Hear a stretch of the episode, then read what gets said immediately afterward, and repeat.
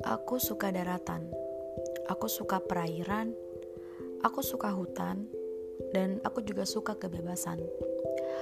Bahkan terkadang aku suka liar dan sukar untuk dijinakan. Aku adalah duniaku.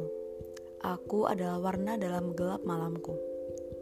Aku suka menulis, aku suka menggambar, aku suka bernyanyi, dan aku juga suka menghayal.